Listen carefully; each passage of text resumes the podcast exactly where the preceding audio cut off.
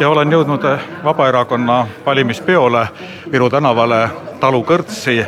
minu kõrval on oma valimiskogemusi või muljeid või elamusi jagamas e-, Vabaerakonna esinduskogu esimees Märt Läänemets.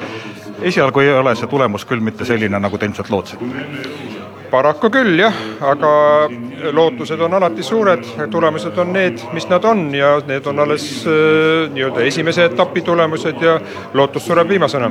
seda kahtlemata. kas te arvasite, et teie valija on pigem e-hääletaja või pigem otsehääletaja? mõlemaid loomulikult eelmisel, eelmistel valimistel oli eelhääletajate osakaal päris suur, ma ei mäleta täpselt numbrit, nii et ma jah, isiklikult eeldasin küll suuremat protsenti e-hääletusest. kas kampaania käigus jäi midagi võib-olla kripeldama ka, et kuskilt äkki oleks saanud paremini või, või rohkem endale nii-öelda tulevikuks hääli koguda valimispäevaks? tegelikult ei oska öelda, minu hinnangul oli meie kampaania oli üsna ta oli, tähendab kindlasti sisukas ja sisukam kui võib-olla enamikel erakondadel, aga jah, küsimus on selles, et ta ei jõudnud ilmselt äh, valijani nii hästi, kui ta oleks pidanud. et äh, noh, nagu teada, mis meil äh, erakonnas olid, olid keerulised ajad ja, ja meil jäi natukene aega väheks. mil määral need keerulised ajad võivad valimistulemust mõjutada, kas see sai määravaks või mingi muu asi?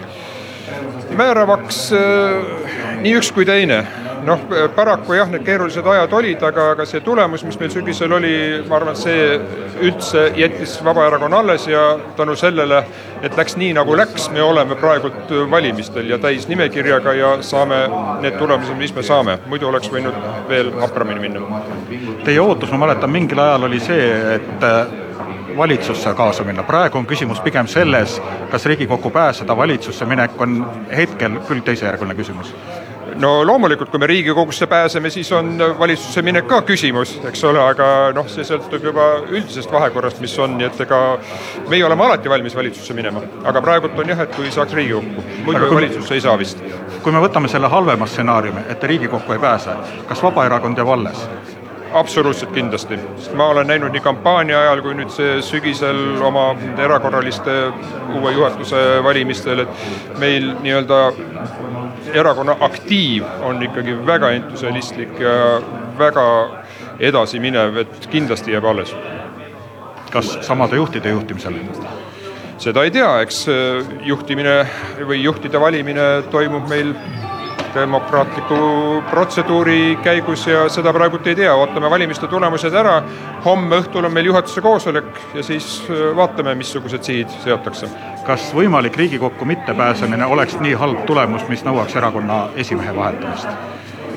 ma ei ütleks, erakonna esimees Kaul Nurm on teinud kõike rohkem veel, kui noh, ütleme, et rohkem, kui ta oleks võinud teha. nii et äh, minu meelest, minu meelest ei ole, aga ega eks seda otsustab ka erakond ja erakonna juhatus, nii et mina arvan, et me võiksime minna edasi ka tema juhtimisel, aga eks see on tema otsus lõpuks. aitäh! palun